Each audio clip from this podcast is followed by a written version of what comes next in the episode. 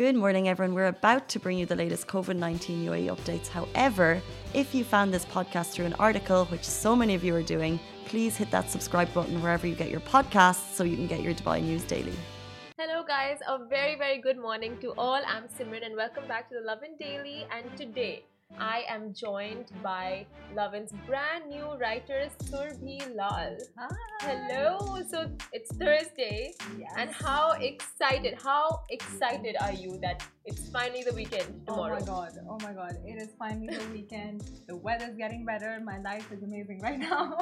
so um, I'm just looking forward to some chill time outdoors and having a relaxed weekend and just unwinding.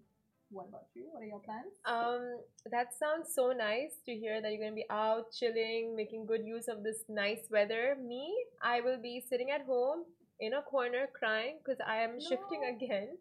so that means boxing, packing, more crying. Yeah, and that's it. So that's that's the weekend plan for me. But anyway, just getting down to our top three stories. Um, Ivanka Trump shows her full support for the UAE-Israeli peace treaty the world's biggest fountain is set to open up at Palm Jumeirah, and Dubai's Twitter is sharing all their nostalgic memories under the throwback hashtag I've been in Dubai since. Now, just getting down to our first story, Ivanka Trump shows her full support for the UAE and Israeli peace treaty. So basically, what happened here is Ivanka Trump, the daughter of POTUS, President of the United States, uh, Donald Trump, I'm sure you guys all know.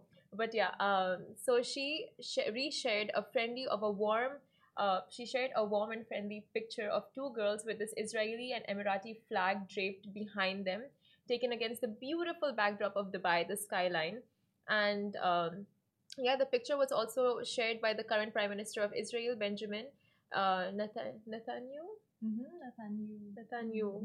Yeah, although uh, although very sweet, the picture was very sweet. Uh, the tweet saw a ton of mixed reactions, and people showed their uh, love for the you know uh, what's happening between UAE, UAE and Israel, the peace treaty, and others had a lot of like had obvious objections, as you guys are very well aware of that's going on on social media right now.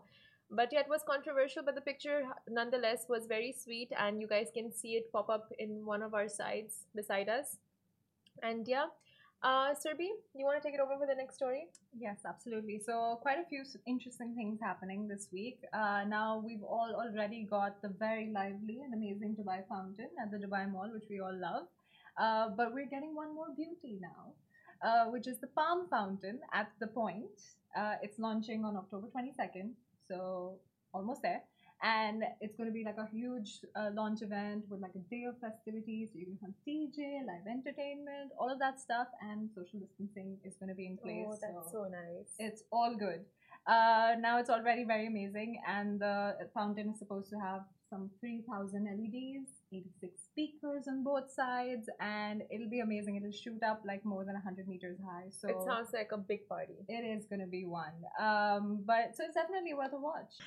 We're going to take a short break. We'll be back with you after this message. Lovin Extra is here. This is the new membership, and while absolutely nothing changes for our readers, extra members get access to premium content, exclusive competitions, and first look for tickets and access to the coolest events across the city, and Lovin merch. If you subscribe right now, a very cool Lovin Red Eco Water bottle will be delivered to your door.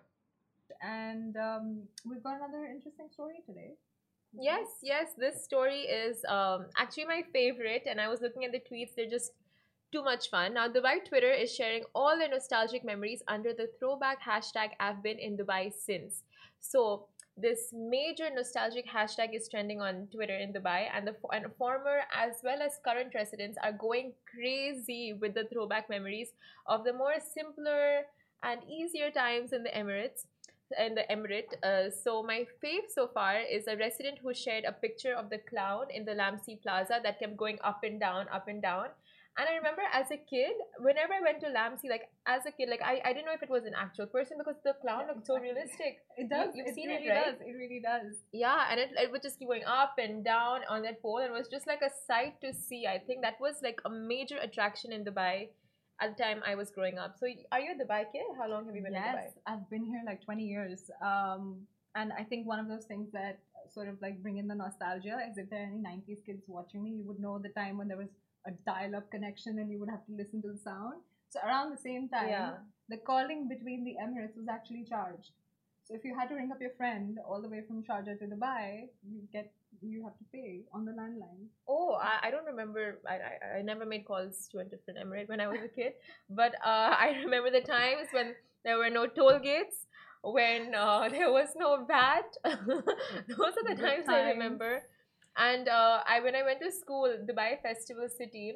At the time, they had this huge carnival at the back, and every day after school, not every day, every Thursday after school, we used to go there to, you know, like check out the guys, and the guys would check out the girls. It was just like so much fun. And yeah, other um the other places people are really reminiscing on social media is Sheikh Zayed Road before the skyscrapers came and the cheap one dirham cafeterias with like shawarmas that were like three dirhams max and now it's seven, ten, nine, twelve. My heart. Good old days Good old. but I think prices everywhere have increased, guys, not just Dubai. But uh, so if you guys want to check more on that, you have to uh, you have to go on Twitter and check out the hashtag I've been in Dubai since and get a major dose of nos- nostalgia or share some of your own fond memories of the city as well. But yeah, let us know in the comments like what you guys, you know, if you guys remember anything, if you guys have any memories that we've left out. Um, one other memory that people really shared was the Hard Rock Cafe, the big one with the guitars, where I think where AUD is now, American University in Dubai, it was the that, same. yeah. Yeah, around the same location. So that was one locality that people miss a lot as well. So do you anything else you remember from your side? Um, to be honest, I think the Nancy Clown. sort of like, Clown. That yeah, was the that biggest, yeah. and all the carnivals that were always around town. So we're gonna write uh, more on that. So if you guys want to check out all the tweets and stuff, stay posted on Lovin Dubai site or Lovin Dubai's app, and we'll share all that there. And that's all for today. Thank you, Surbhi, for joining. Thank you for having me. That's amazing. And I will see, uh, not me, Casey will come back on Sunday. So she will see you guys same place, same time on Sunday. Guys, that is a wrap for The Lovin Daily. We are back same time, same place every weekday morning. And of course, don't miss The Lovin Show every Tuesday where I chat with Dubai personalities. Don't forget to hit that subscribe button and have a great day.